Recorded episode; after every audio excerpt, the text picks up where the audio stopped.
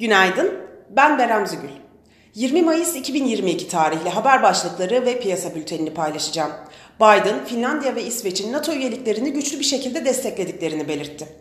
Biden, yükselen petrol fiyatları gölgesinde Suudi Veliaht Prens Bin Salman'la görüşebilir. Çin'de özellikle konut kredilerini desteklemek üzere faiz indirimi yapıldı.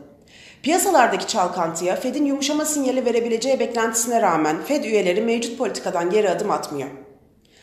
Piyasalara genel olarak bakacak olursak, pay piyasalarında Borsa İstanbul yurt dışı borsalardaki satış baskısına rağmen halen güçlü görünümünü korusa da bilanço dönemi sonrası başlayan kar satışı baskısının kısa vadede önemli bir beklenti kalmaması, yabancı satışların devam etmesi ve enflasyona endeksi alternatif bir TL enstrüman çıkabileceği beklentisiyle düşük momentumla da olsa kısa vadede devam edeceğini düşünüyoruz.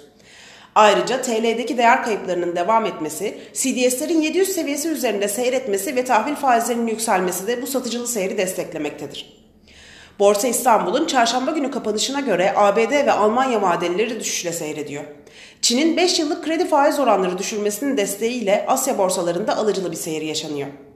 Teknik analiz verilerine bakacak olursak kısa vadede 2330 ve altına gerileme trade amaçlı alım fırsatı, 2415 ve üzerine düşük hacimli yükselişler ise satış fırsatı olarak takip edilebilir.